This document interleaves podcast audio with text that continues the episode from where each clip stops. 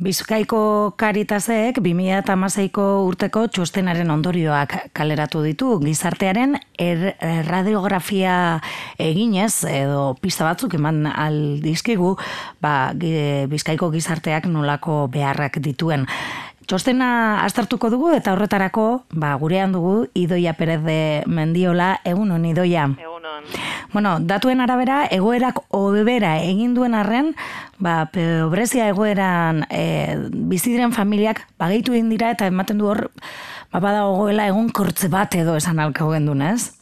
Bai, e, nabaritzen ari gara, e, pobreziaren zirkulotik ateratzeko aukera gutxi daudela per, e, ba, gure gandauden pertsonekin, eta hori esan nahi naiz eta hobekuntza ekonomikoa egotea, ba, pertsona batzuentzat egoera hori ez da aldatu, ez? Naiz eta krisia mm pasatu omen den, ba, beia, beraiek hor geratzen dira zirkulo horretan sartuta. Bai, eta txosten honek hori argi usten du, ez? Bai. E, bueno, ba, hor e, badagoela jende multzo bat, gero eta sailtasun handiagoak dituela hortik ateratzeko. Ba, bai, alde batetik e, ba, egoera desberdinak sortzen dira. Ez alde batetik ba, kalean bizi diren pertsonen egoera, familien egoera, eta hortik ateratzea ba, aukera gutxi daude. Mm, gaur egun ere e, laneratze prozesua sartzea mm, zaila da eta daukagu lanabe ez du ez du bermatzen e, pobreziatik e, ateratzea, ez? Ze azkenean mm geratzen zara hor, ba, ez dakite lan prekarioetan eta mhm. hori ez du ez du ez du aukerak ematen e, zirkulo horretatik e, ateratzeko, ez? Bai, gorpil soroa ezaten bai. zenuten, aurkezten zenutenean txostenak, baina txostenak ere beste hainbat kontu ere kartzen dizkigu, ez? Bizkaian, ba, gizarte bazterkeria egorean dauden, ba, amar mila bosteun e, pertsona lagundu dituzula, e, eta baita ere, azterketan erradiografia esan dugu egiten dutuzuela, eta gutxu bera ere jakin dezakegu manolako pertsonak dituzten beharrizan handienak, ez? Bai. Azaldu aldizkiguzu, ba, gutxu bera erradiografia horretan ba, atera dituzuen e, ba, zenbakiak edo konklusioak. Bale, ba, amar mila horietatik e, gutxi gora bera e, euneko berrogeta mazia emakumeak dira, eta eguneko e, berrogeta marra hemengoak dira, bertakoak dira.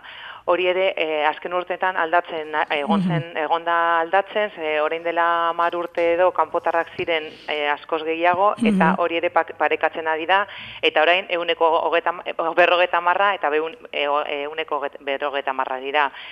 E, Oietatik ere, familien kopurua oso handia da, Eta familien artean euniko berrogeta marra ere guraso bakarreko familiak dira.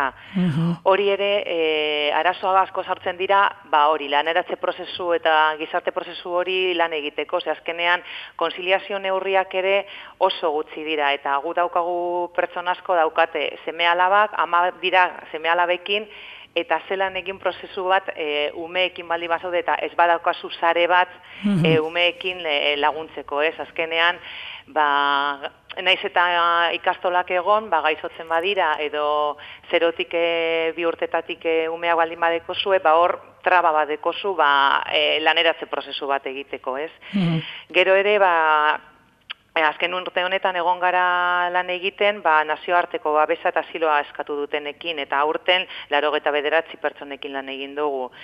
Naiz eta hori, ba, Sicilian eta horre egotea, eta Europako beste hirietan egotea trabatuta, ba ona ere heltzen ari dira eta mhm. azken urteetan kopuru hori handitzen ari da. Mm.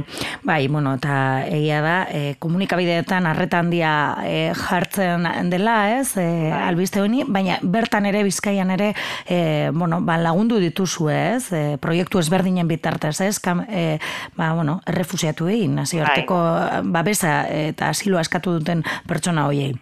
Bai, azkenean e, guk ez dugu desberdintzen e, hori e, asiloak eskatu dutenak edo atzerritarrak diren edo hemengoak diren gure gudekogu proiektuak zabalduta daude pertsona guztientzan eta eh helburu horrekin ere lan egiten dugu. Ze azkenean nahi duguna da gure proiektuak izatea leku bat elkartzeko eta e, ba elkarzare hori e, sortzea, ezta? Orduan, ez da guretzat ez da importantea zein dan bere egoeran, segure lana da azken finean da ba bide laguntza egotea, ez? Haien ondoan egotea eta bakoitza bere egoerarekin edo bere prozesuarekin ba pausuak aurrera motea. Mhm. Aipatzen duzu etxostenean, e, bueno, garrantzia egiten e, jartzen diozuela, pertsonekin lan egiten duzuela.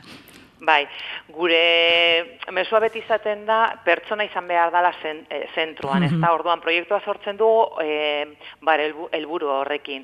Ez da in importantea epeak betetzea edo ba, baldintzak betetzea, naiz eta nahi duguna da e, bakoitza bere bidea egitea, eta horretarako ba, nahiko malgoak gara, ba, pro, hori proiektuak haien zerbitzura ipintzea eta ez alrebez. Orduan, mm. ba, hor alegin handiak egiten ari gara, ba, moldatzeko proiektuak eta hori pertsonaren alboan egotea da mm. garrantzitsuena. Eta hildo horretatik, ba, edadetuen akompainamentori dagokionaz ere hainbat lan egin dituzue e, 2006an, eta proposatzen dut, ba, bueno, 2006an ere. Bai, bueno, ba, edadetuen arloan, e, irureun talaro geta amazazpi edadetuekin lan egin dugu, ba, bizitatzen, etxean eta egoitzetan ere, ez da, e, nabaritzen dugu bebai, gero eta pertsona gehiago daude bakarrik etxean, eta ba, batzutan ez da bakarrik ez familia e, izateagatik, baina familia badekoz eta familia betetzen du utxune bat, baina mm-hmm. pertsonek ere badeko gu e, ba, gure adineko pertsonekin e, hitz egiteko beharra eta gure garaieko e, gauzekin hitz egiteko beharra eta hori ba, seme alabekin, e, jobekin ba, zaiagoa da. Orduan hor badeko gu voluntario bat oso lan importantea egiten dutena hori egoitzetara edo etxetara joaten bizitatzeko. Eta gero badaude bebai beste proiektuan, deitzen dela bizi bete, eta hor helburua da dea kalete, kalera irtetea eta harremana eta aktibatzeko ekintzak egitea eta hor ere ba, ba oso proiektu politak izaten ari dira mm pertsonentzat ze gainera gizartean integratzeko, ez? Baztertuta ez geratzeko, ez? Bai, da aukera bat ba hori etzetik irteteko, ba eukitzeko aitzaki bat kalera irteteko eta badakizu leku horretan egongo dela norbait zutaz kezkateko duela, ez? Ze, ez basoaz ditzen diogu, ba jakiteko zer gertatu den eta hori ere bai, ba jendea urteak betetzen duen bit, e, bakoitzen ba zahartzen ari den prozesu horretan etxean geratzen bada, ba hor badeko guia atea zabalduta, ba beretzera joateko edo egoitzera baldin badoa be, ba ara jarraitzeko laguntzen, eh? Mm Idoia karitasetik ere espimarratzen duzu, ba, bueno, proiektu guzti hauek finantzazio bat badutela, baina zuen lana asko ere voluntarioen bitartez egiten dela, ez? Ba, bai, laguntza, haien laguntzari esker lan egiten dugu eta proiektua mantentzen ditugu. Dakogu 2000 eta laureun baino gehiago voluntarioak, aurten ere berreun voluntario baino gehiago berriak izan dira eta hori guretzat beti albiste ona da.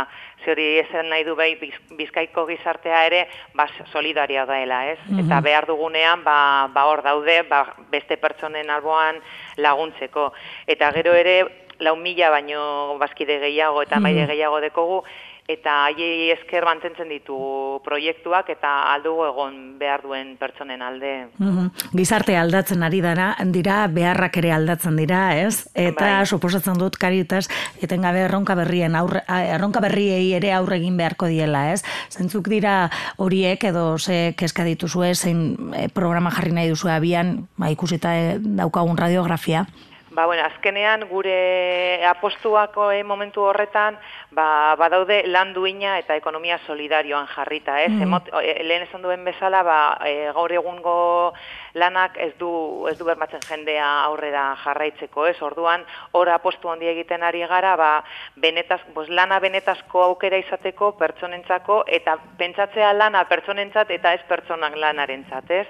Orduan, ba, hor dago gure erronka nagusiena eta gero bebai harreman zareak, ez? E, e, gure gizartea benetan inklusiboa izateko. Azkenean pertsonak behar dute gizarte bat, e, gizarte batean aukitzeko bere lekua. Danok behar dugu gure auzoan eta gure bizi garen lekuan ba, lekutxo bat aurkitzea, ez? Orduan, hor dago bebai gure gure kezka nagusiak. Mm Eta horre, hildo horretatik, horregaitik kanpaina jarri e, gauzak bakarrik ez dira gauza leloa proposatu duzu, ez? Bai, erdi, erdigunean kokatuta. Bai, hori da, e, leloaren, kanpainaren leloa hau izan da, eta hori pintzen dugu azkenean, baloratzen ditugu gauza importanteenak, ba ez direla gauzak, ez, azkenean zure galdetzen badizute zein den zuretzat importanteena, ba guztiok esango dugu, ba gure familia, gure lagunak, maitasuna, barreak, e, eta hori gertatzen da, mm, diru, aberatzak direnentzat, eta mm pobreak direnentzat hori berdina da, orduan hori da azkenean elkartzen gaituena, ba azkenean danak e, gizakiak gara, eta hori da importanteena eta hori da importanteena guztiontzat eta hori da behar ez du gehien behar duen pertsonak, eh? azkenean e, pertsona bat bere alboan e, egotea eta zerbait larria gertatzen zaizunean jakitea ordeko zula pertsona bat laguntzeko, ez? Mm Eta bukatzeko idoia, e, bueno, gizarte asko aldatzen e, ari da, ez dute, ba, individualismoan sartuagoak garela, bai. e, ez dakit zuek ere somatzen duzuen, ba, e, voluntario aldetik dinot, elkartasun maila horretatik bera egin duen, edo edo, edo bueno, egoera larriak ere eta bizi dugun e, ba, erradiografia horrek ba, bueno, ez dela horren besterako izan. Ba, baina baritzen ari da gara, ba, hori, ja krisia ez dagoela modan, edo ez da agertzen egin beste albizetan, orduan ja jendea pentsatzen du, pues, bueno, hau pasatu dala, eta mm. ja jendea, bueno, pues, obetu dala bere mm. egoera, eta baina baritzen ari gara, batez ere, ba, baskideak eta maileen artean, ba, kopurua jaizten ari, jaizten ari dala. Eta hori kezkatzen gaitu bez, e, claro, e, jendea egoera pobrezian edo babes gabetasun egoeran dauden pertsonak gero eta laguntza gehiago behar dute eta proiektua mantendu behar du hori mm laguntzeko. Eta orduan bai eskatzen dugu ba, bizkaiko gizarteari ba, esforzua mantentzeko ba, hori behar duenen alde egoteko. Mm Bueno, ba, hau esan da, hemen utziko dugu, eskerrik asko, idoia pere de mendiola, ba, bueno, e, ba, txosten horren zetasunak gurekin konpartitu izanagaitik, eskerrik asko. Eskerrik asko zuei. Bai, agur.